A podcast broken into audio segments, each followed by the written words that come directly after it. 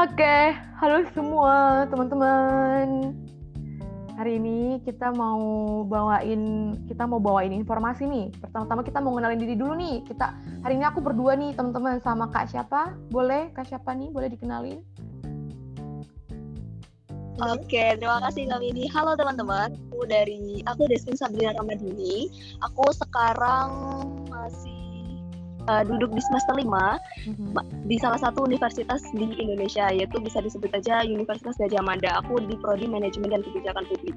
Dan aku juga bersama Kak. Siapa Kak? Kak Winnie. Oke, panggil aja aku Winnie. Aku lagi merantau jauh. Jurusannya juga sama sama Kak Desvin. Nah, jadi kita itu di sini mau ngapain Kak? Kita mau jadi kita dalam acara concentration podcast ya, Kak Desvin ya.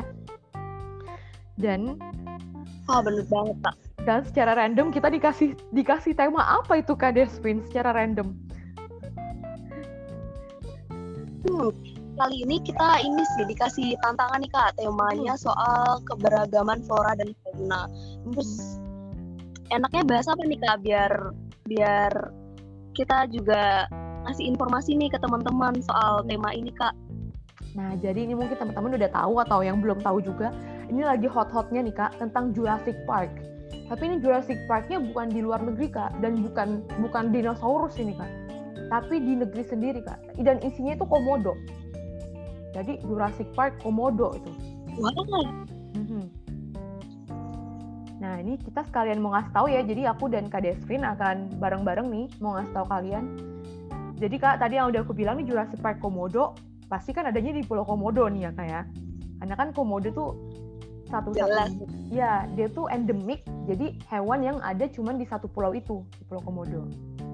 Nah jadi katanya si peneliti itu akan menilai nih kak pembangunannya di tahun depan dan dan bisa dibuka nih kak untuk umum di akhir Juni tahun depan nih kak. Jadi enam bulan lagi ya. Jadi begitu begitu liburan sekolah kak liburan kuliah bisa ini kak ke Jurassic Park Komodo wah tapi itu kayaknya hmm. ini deh kak itu masih hmm. tahap bangunan deh kak oh gitu uh, kira-kira kalau semisal dijadi ya kak hmm. uh, aku kemarin kayak sempet hmm tantangan nih kak dari banyak orang nih kak. Mm-hmm. Ah banyak tantang, banyak banyak banyak apa tantangan banyak um, banyak tantangan dari orang-orang tuh berarti orang-orangnya pada nggak mau gitu kak. Kalau untuk di di dibuka. Kenapa itu kak? Kenapa nggak mau? Kan bisa menambah ini kak, menambah pemasukan kalau misalnya udah jadi tempat pariwisata kan banyak yang datang, uang juga jadi banyak, terus jadi banyak. Kenapa banyak yang nentang, Kak? Nah, ini sih Kak, kemarin uh, menurut kata pakar, kalau semisal diadakannya pembangunan Jurassic Park Pulau Komodo ini nanti uh, bisa merusak habitat alami Pulau habitat alami komodo kak katanya uh, komodo komodo kan uh, binatang langka nih kak terus hmm. uh, di dunia tuh cuma ada satu nih kak hmm. hmm. nah terus pembangunannya kan akan merusak habitat asli nih kak terus bisa-bisa komodonya nanti punah dan kayak komodonya nanti malah jadi ini kak objek kayak seperti kebun binatang kak ah betul juga sih hmm, terus di sini juga aku ada ada lihat nih kak jadi katanya ada jumlah hewan karnivora yang ada di Pulau Rinca. Jadi kan kita ada Pulau Komodo dan Pulau Rinca nih kak kalau aku lihat ya dekat. Jadi Pulau Komodo itu yang besar, terus ada Pulau Rinca, ada Pulau Padar, ada Nusa Kode, Nusa Kode. Itu ada di Pulau Rinca sendiri ada 1.300 ekor. Wow, dan 66 ekor di antaranya itu di loh buaya. Hmm, sementara itu sebanyak 15 ekor hidup di daerah pembangunan Jurassic Park jadi, nah jadi memang kak katanya pembangunannya itu tidak lebih dari satu hektar. Jadi memang terbatas untuk melihat komodo dengan lebih aman dan benar gitu kak. Jadi sebenarnya itu justru bukannya ingin me membatasi atau membuat komodo malah hilang, tapi kita, tapi memfasilitasi orang-orang untuk melihat komodo itu lebih lebih aman kak. Karena kan kalau aku pernah dengar ya kak, komodo itu makan orang kak. kakak pernah denger gak sih wah komodo emang pernah banget kak jadi emang komodo itu salah satu hewan omnivora juga kak mm-hmm. tapi kak pembangunan Jurassic nanti uh, bukannya ini ya kak hanya menguntungkan segelintir pihak aja ya kak. Kayak nanti misalnya nih kak mm-hmm. kalau adanya pembangunan Jurassic Park kan nanti kemungkinan akan menjamur banyak hotel terus tempat-tempat ah. untuk uh, restoran. Nah itu bukan yang merusak habitat ya kak. Wah iya sih kak. Aku memang aku juga iya juga sih aku baru berpikir seperti itu. Padahal di sini uh, kata Pak Wiratno katanya memang sudah ditempatkan 10 polisi hutan untuk tiap hari memastikan bahwa seluruh proses pembangunan yang selesai akhir Juni 2021 tidak ada komodo yang menjadi korban. Hmm, cuman ia menambahkan mungkin ini ada yang viral kak. Mungkin kakak ada ini udah viral sih di Instagram ya kak ya. Ada foto komodo yang lagi dihadang truk atau menghadang truk. Aku nggak tahu siapa menghadang siapa. Dan itu gimana nih kalau menurut pendapat kakak melihat foto yang lagi viral itu? Yang komodo sama truk. Aku nggak tahu komodo yang menghadang truk atau truk yang menghadang komodo. Gimana nih kalau menurut kakak? Oke kak, dia nih kak, aku kemarin juga sempat lihat-lihat nih kak uh, di salah satu uh, insta, apa ya akun Instagram itu dia bergerak di sejenis kayak campaign penyelamatan binatang langka gitu sih kak. Nah aku lihat itu uh, dari hashtagnya itu adalah Save uh, Komodo itu lebih ke ini sih apa pembangunannya itu kan mengusik uh, kegiatan komodonya gitu kak. Jadi uh, komodonya itu belum di relokasi ke tempat lain tapi dibiarkan gitu kak di di tempat pembangunan itu jadi dengan adanya hilir masuk truk ataupun uh, kendaraan pengikut apa ya kak bisa dibilang alat berat lah kak. Itu tuh hmm. ganggu dan mengusik banget kak. Pemuda ada di situ katanya. Hmm, iya sih ini kan aku pengen me, kita tuh selalu mem, uh, apa ya melihat dari dua sisi nih kak. Ini kan kalau kakak nih dari sisi-sisi yang negatifnya gitu kan, memang betul juga ada dampak-dampak negatif kan kak. Cuman di sini juga aku pengen ngasih tahu dari sisi lain, dari positifnya kenapa sih mereka ngotot banget nih kak untuk bikin komodo. Ternyata katanya kunjungan ke Pulau Komodo itu akan dibatasi kak dengan biaya dengan biaya 1000 US dollar per tahun atau sekitar berapa berarti tuh 15 juta ya 14 juta tahun sistemnya tidak akan semua orang bisa masuk Pulau Komodo kecuali sudah terdaftar sebagai anggota. Wow. Nih Kak Desvin mau mau jadi anggota enggak nih Kak Desvin? Wah, kayaknya tempat wisata yang masih tapi lebih banyak deh Kak. Menarik sih tapi lebih. Itu tapi pricing nggak kak? Kalau dia kalau seumpamanya gabung jadi anggota nih kak. Mm -hmm ini kak berarti keanggotaannya oh. itu 14 juta kak setahun. Berarti kira-kira setahunnya itu kurang lebih satu juta kak. Eh sebulannya satu juta. Mungkin untuk yang crazy rich bisa kak ya menjadi anggota nih. Untuk bisa melihat komodo tiap bulan mungkin Wah bisa juga. Tapi kalau buat aku kayaknya dari wisata ke alam aja deh kak lebih. Oh gitu. Lebih jam itu kak. Mm -hmm. Jadi tapi kalau aku lihat dari sini sih berarti kan ini sangat terbatas ya kak. Maksudnya berarti hanya orang-orang yang punya duit nih kak berarti kan yang punya yang bisa daftar karena cukup mahal juga. Dan maksudnya kita kan lihat komodo mungkin nggak setiap bulan juga kan kak ya. Jadi meskipun kita mau lihat cuma mungkin sekali atau dua kali setahun, kita harus bayar setahun. Harus bayar seribu gitu loh, 16 juta. eh sorry, 14 juta. Jadi ya mungkin kalau ada rezeki bo boleh ya kalau sengebet itu sama komodo. Nah jadi ini mungkin gini kak, sebelum nih sebelum uh, kok si, sebelum si ini diresmikan, kita kan ya biasa lah ya kayak ditentang tapi ya namanya juga pemerintah mereka punya kuasa ya digas-gas aja terus gitu kan. Jadi ini saran aku nih kayak untuk kakak juga untuk teman-teman yang lain. Sebelum ini diresmikan sebelum ada kamu harus bayar 14 juta setahun. Jadi mending kalian langsung pergi dulu nih ngeliat komodo sebelum sebelum 14 juta guys. Ya gimana kak Despin setuju nggak nih kak Despin sama aku? Kalau aku nggak setuju sih kak. Soalnya kalau dengan ada pembatasan Iya mm -hmm. nih kak, soalnya kalau pembatasan kayak gitu tuh kayak kan orang kalau di kalau berkaca dalam kak kayak uh, finansial tuh kan mesti ada perencanaannya nih kak buat kebutuhan untuk pelesiran, terus buat kebutuhan sehari-hari dan sebagainya. Mungkin kalau untuk dana 14 juta terus aku saving dari awal buat pelesiran tuh terlalu mahal sih kak.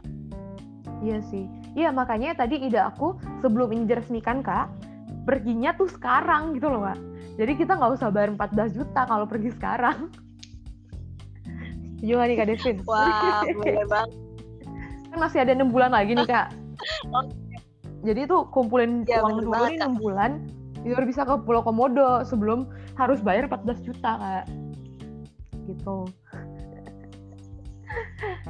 Nah, Asik banget tuh kak kalau bisa pelesiran. Tapi iya kak, ini kan eh, dari dari maskapai itu kalau mau berpelesiran ke luar kota itu kan perlu ini ya kak. Eh, mungkin harus menyertakan surat-surat nih kak. Nah Mm. itu malah sama aja ini sih kak kalau aku. Apalagi di tengah pandemi kayak gini terus eh, aksesibilitasnya juga terhambat banget. Kalau aku mending ini aja deh kak. Mm-mm. nonton film di rumah. Ala kaum ya ya ya ya aku sih nggak tahu ya aku juga lagi nggak di Indonesia kan. Terus cuman ini yang mau kita bahas memang di sini ada dibilang kak katanya mengkhianati tujuan konservasi. Jadi ini ada dari peneliti kak dari Sun Spirit for Justice and Peace yang berbasis di Labuan Bajo juga katanya mengatakan izin yang diberikan KLHK itu untuk pembangunan itu bertolak belakang kak dengan apa yang sudah diajarkan mereka dalam merawat kawasan konservasi. Katanya di, di beberapa kawasan itu ya, itu ada yang ada pelang KLHK-nya itu keep silent. Artinya suara pun diperhitungkan untuk diperhitungkan di dalam kawasan konservasi. Di satu pihak truk masuk ekskavator masuk beberapa hari helikopter terbang terus dari Padar. Jadi betul sih aku juga tadi setuju kata Kak Devin ya. Itu kan dengan apalagi alat-alat berat itu kan berisik luar biasa kan kayak mengganggu. Jadi ya jadi dia mau bikin konservasi tapi merusak dulu gitu loh kak. Di satu sisi ya nggak sih? Nah bener banget tuh kak. Mhm. jadi belum bisa dikatakan konservasi juga sih kak.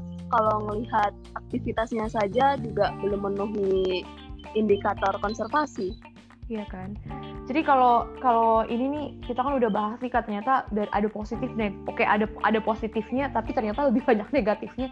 Jadi apa ini untuk terakhir penutup menurut Kakak apa ya yang kita bisa lakukan? Kita kan kita kan cuma mahasiswa gitu kan Kak, bukan orang yang terlibat di pemerintah untuk menjalankan proyek ini juga tidak tinggal di di Labuan Bajo juga. Apa kira-kira yang bisa kita lakukan ya Kak sebagai mahasiswa dalam menanggapi isu ini? Kalau menurut Kak Desvin. kalau aku ini sih kak kalau aku loh ya kak aku mungkin lebih kayak ngajak teman-teman buat campaign gitu misalnya kalau sudah di ini nih kak dibuka nih kak eh, tempat apa Jurassic Park Pulau Komodo kan otomatis eh, mungkin kebiasaan maksudnya isu-isu kontemporer yang seperti yang terjadi itu kayak kalau di tempat pariwisata pasti banyak sampah. Nah mungkin aku lebih ngajak ke teman-teman Mhm. uh, via Instagram atau lewat campaign atau lewat tulisan juga itu buat uh, tidak membuang sampah ke tempat pariwisata. Terus juga ini sih kak tidak membuat keonaran sih kak. Lebih tepatnya kayak aksi-aksi vandalisme yang merusak uh, fasilitas umum terus kayak ganggu-ganggu pemandangan umum gitu. Terus kalau aku mungkin lebih ini sih kak karena kan kalau adanya pariwisata terus menjamurnya pariwisata itu kan karena banyak wisatawan tuh kak nah, karena aku nggak mendukung nih kak kayak adanya pembangunan Jurassic Park ini mungkin aku lebih menggunakan apa ya memilih opsi liburan di tempat lain sih kak Hmm. Oke. Ya, ya betul. Lagian juga karena ini tadi kan katanya ter- untuk terbatas orang Kak karena 14 juta tadi. Jadi ya kita harapkan meskipun orang-orang yang yang mempunyai uang ini, ya betul aku juga setuju banget sama Kak Desvin ya supaya lebih sadar lah maksudnya. Ini kan tujuannya konservasi ya Kak tadi kan. Kita mau melihat dengan secara lebih aman tapi juga kelangsungan hidup komodonya itu kan mau kita jaga karena kan dia cuma satu-satunya hidup di situ kan. Ini kalau punah udah dia tinggal nama sama foto doang deh kak udah jadi ya benar aku setuju juga semoga orang-orang Oh. yang Mm-mm.